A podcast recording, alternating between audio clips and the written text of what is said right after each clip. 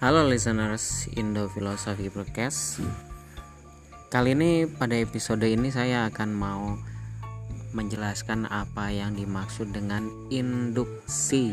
Nah, ada yang baru dengar kali ya? Induksi. Induksi itu apa? Nah, induksi itu adalah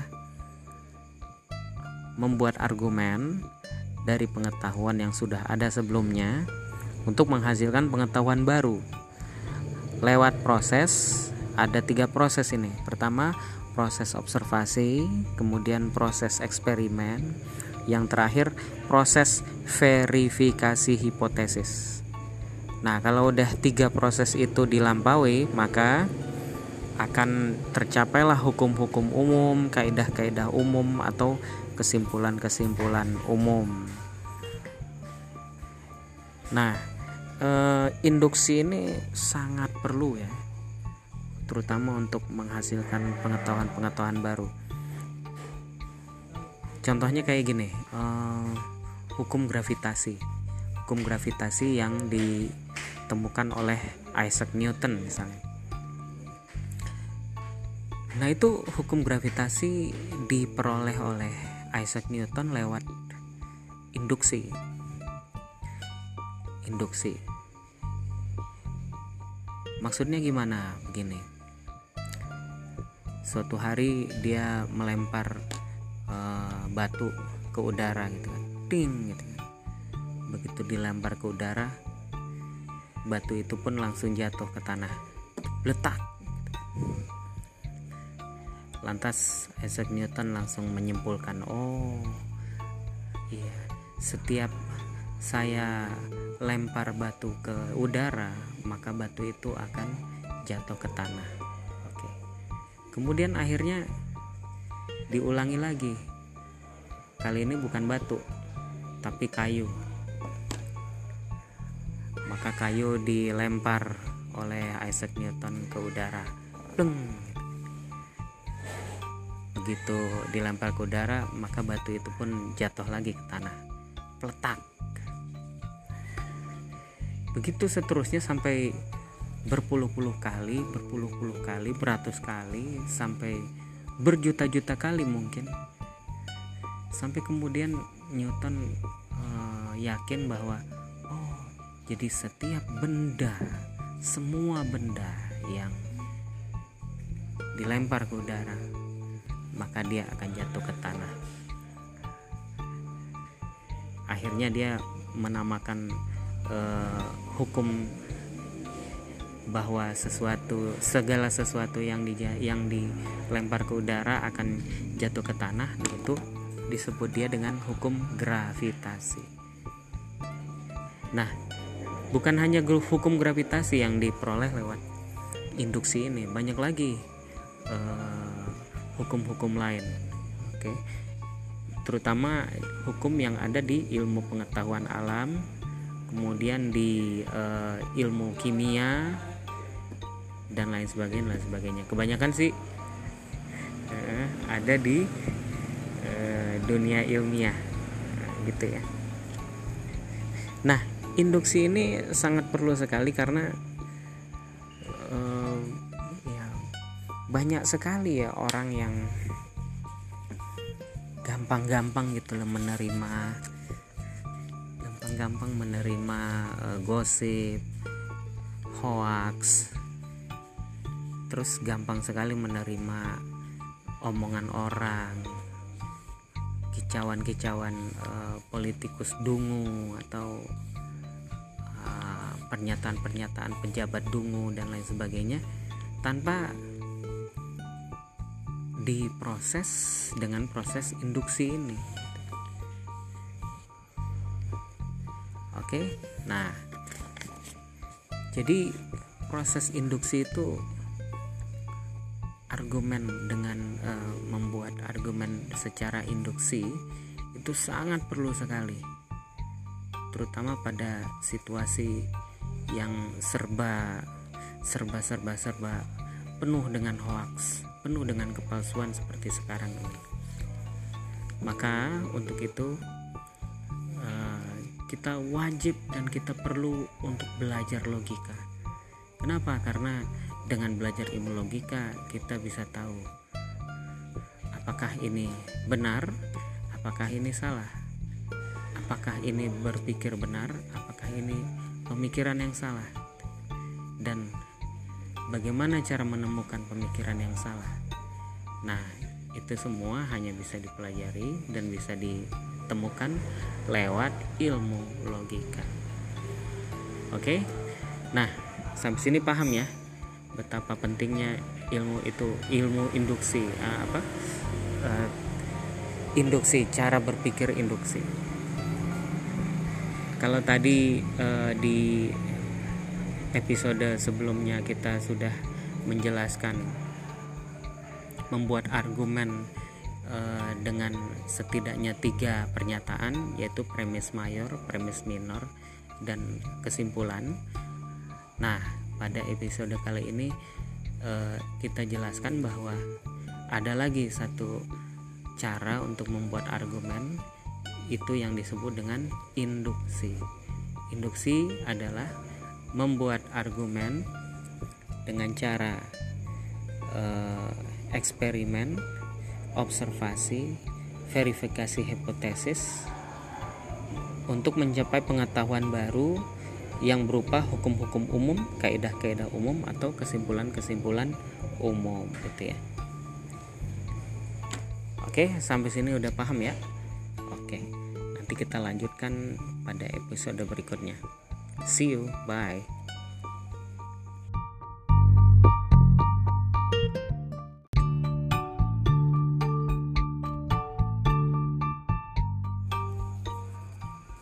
Halo listeners Indo Philosophy Podcast.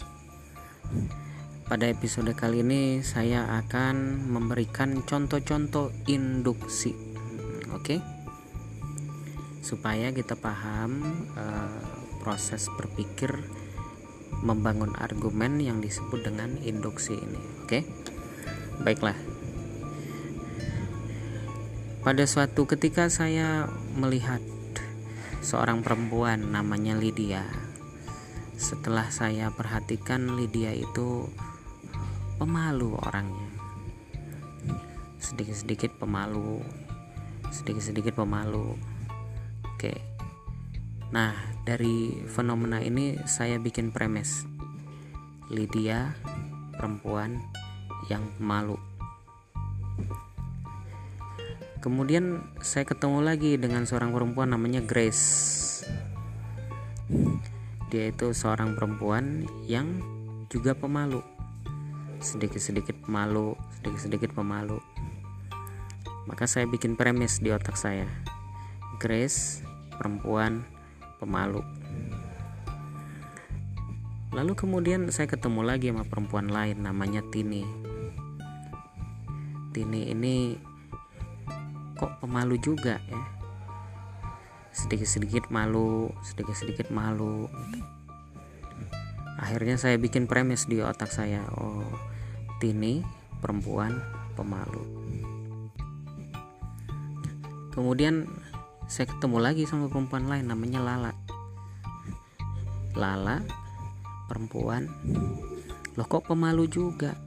Sedikit-sedikit malu sedikit-sedikit malu gitu Akhirnya saya bikin lagi premis di otak saya. Lala, perempuan pemalu. Kemudian ketemu lagi saya sama perempuan lain. Namanya Tutut. Tutut. Saya perhatikan, saya observasi. Lah, Tutut ini juga punya sifat namanya sifat pemalu. Maka akhirnya saya bikin lagi premis di otak saya. Tutut perempuan pemalu. Nah, dari 1 2 3 4 5 5 orang ini ada 5 premis yang ada di otak saya. Pertama, Lydia, perempuan pemalu. Premis kedua, Grace, perempuan pemalu. Premis ketiga, Tini, perempuan pemalu. Premis keempat, Lala, perempuan pemalu. Premis kelima, Tutut, perempuan pemalu. Nah, dari semua premis-premis tadi, akhirnya saya bikin satu konklusi, bikin kesimpulan. semua perempuan pemalu. Nah, ini yang disebut dengan induksi.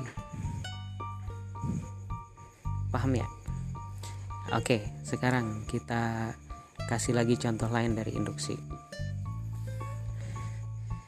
Satu saat saya ketemu sama seorang laki-laki namanya Joko. Joko, laki-laki. Terus saya observasi, saya lihat gerak-geriknya. Sampai akhirnya saya ber, berkesimpulan, oh Joko laki-laki pemberani. Maka akhirnya saya bangun satu premis, Joko laki-laki pemberani kemudian saya ketemu lagi sama eh, laki-laki uh, lain namanya Doni. Begitu saya perhatikan saya lihat saya observasi oh Doni juga pemberani. Maka akhirnya saya masukkan dalam otak saya satu premis bahwa Dono Doni laki-laki pemberani. Kemudian saya ketemu lagi sama laki-laki lain namanya Toto Toto sifatnya juga sama. Kok pemberani juga? Maka akhirnya saya buat premis Toto laki-laki pemberani. Kemudian saya ketemu lagi sama laki-laki lain namanya Danu. Danu setelah saya observasi saya lihat gerak-geriknya gesturnya dan sebagainya. Oh Danu juga punya sifat pemberani.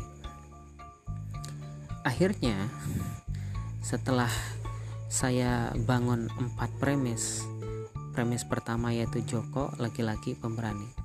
Premis kedua Doni laki-laki pemberani. Premis ketiga Toto laki-laki pemberani. Terus premis keempat Danu laki-laki pemberani. Maka akhirnya saya membangun satu kesimpulan atau konklusi. Konklusinya konklusi umum bahwa semua laki-laki itu pemberani Nah, bagaimana? Sampai sini paham bagaimana e, cara membangun argumen dengan cara induksi? Nah, sampai sini dulu ya.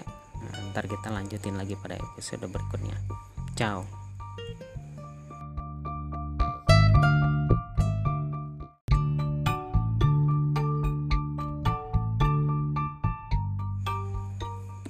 Halo listeners Indo Philosophy Podcast.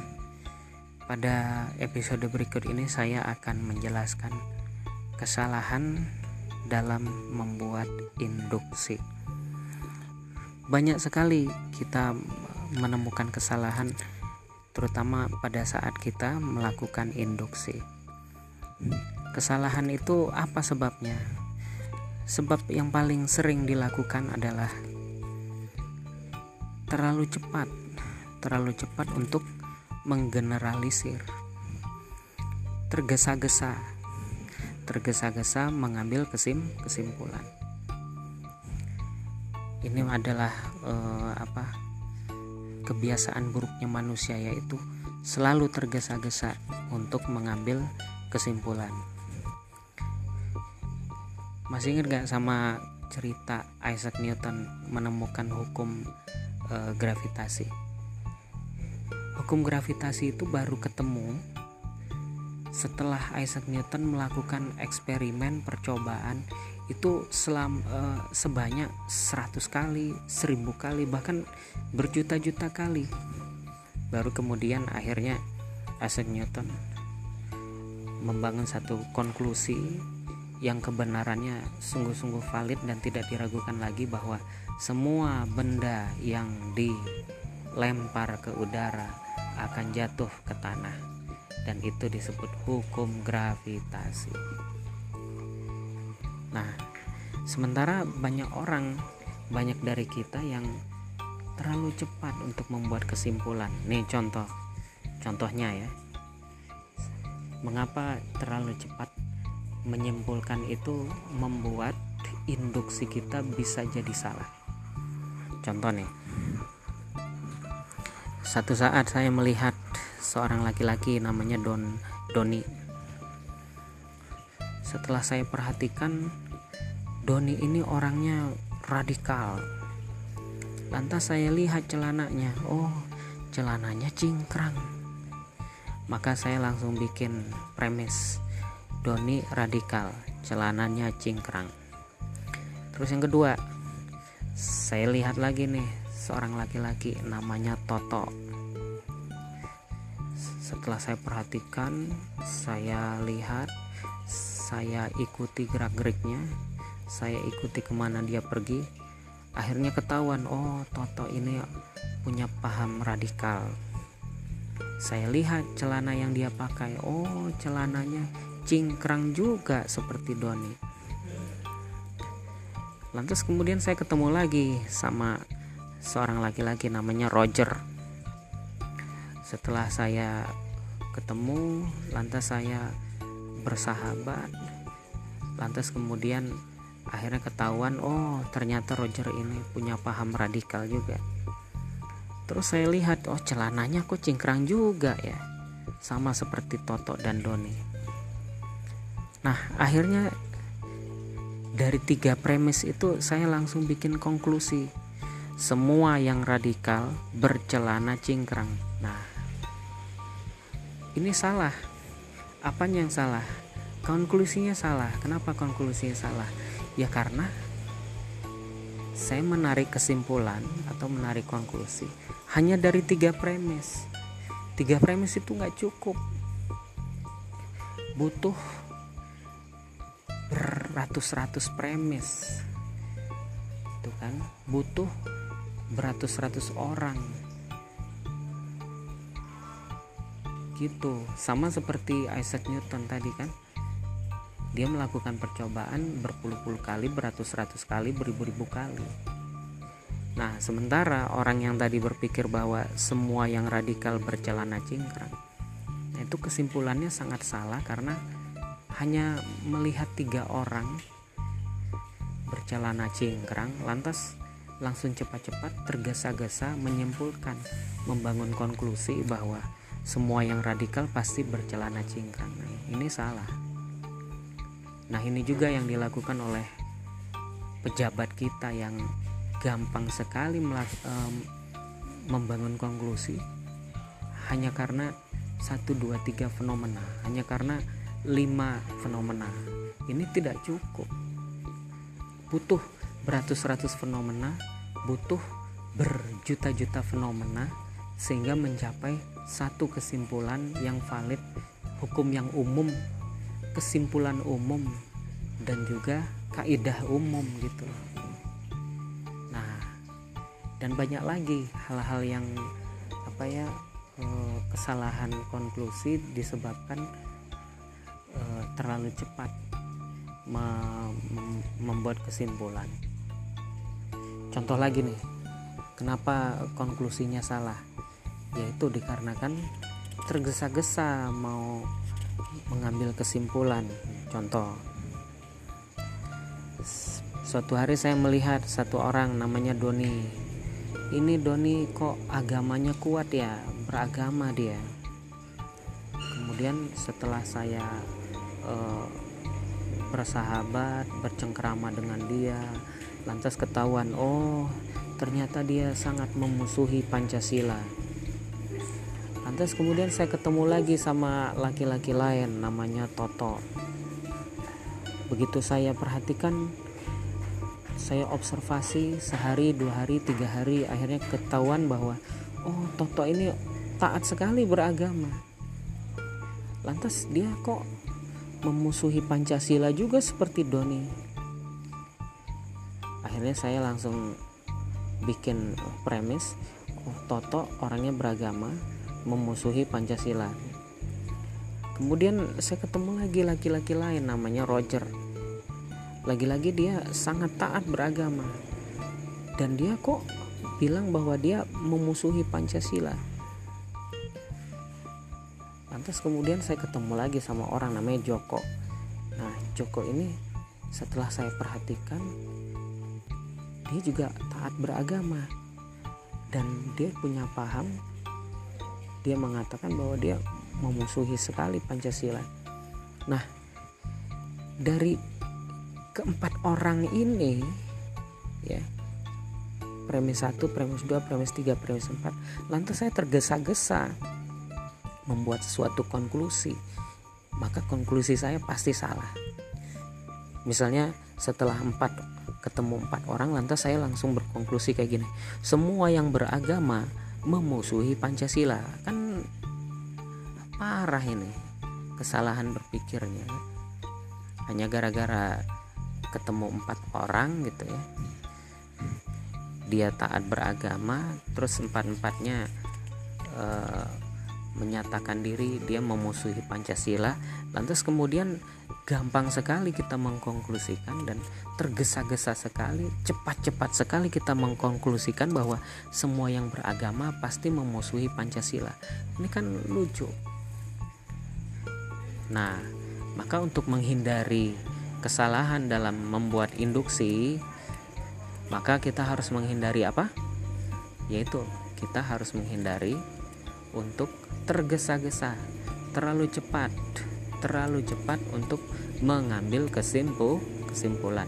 Sebelum kesimpulan sebelum kita mendapati sebelum kita e, menemukan 100 premis 200 premis beribu-ribu premis baru kemudian akhirnya kesimpulan kita punya kebenaran yang valid yang tidak bisa terbantahkan lagi kalau seandainya cuma dua orang tiga orang empat orang gak bisa langsung dikonklusikan lantas dari konklusi itu digeneralisir. Wah itu salah total. Makanya banyak sekali pejabat-pejabat kita yang salah logika. Dikarenakan apa? Mereka terlalu cepat-cepat untuk menyimpulkan. Mereka terlalu cepat-cepat menyimpulkan dalam induksi mereka mereka terlalu cepat menyimpulkan induksi mereka. Demikian kira-kira uh, apa yang bisa kami sampaikan. Ikuti lagi episode selanjutnya oke? Okay? bye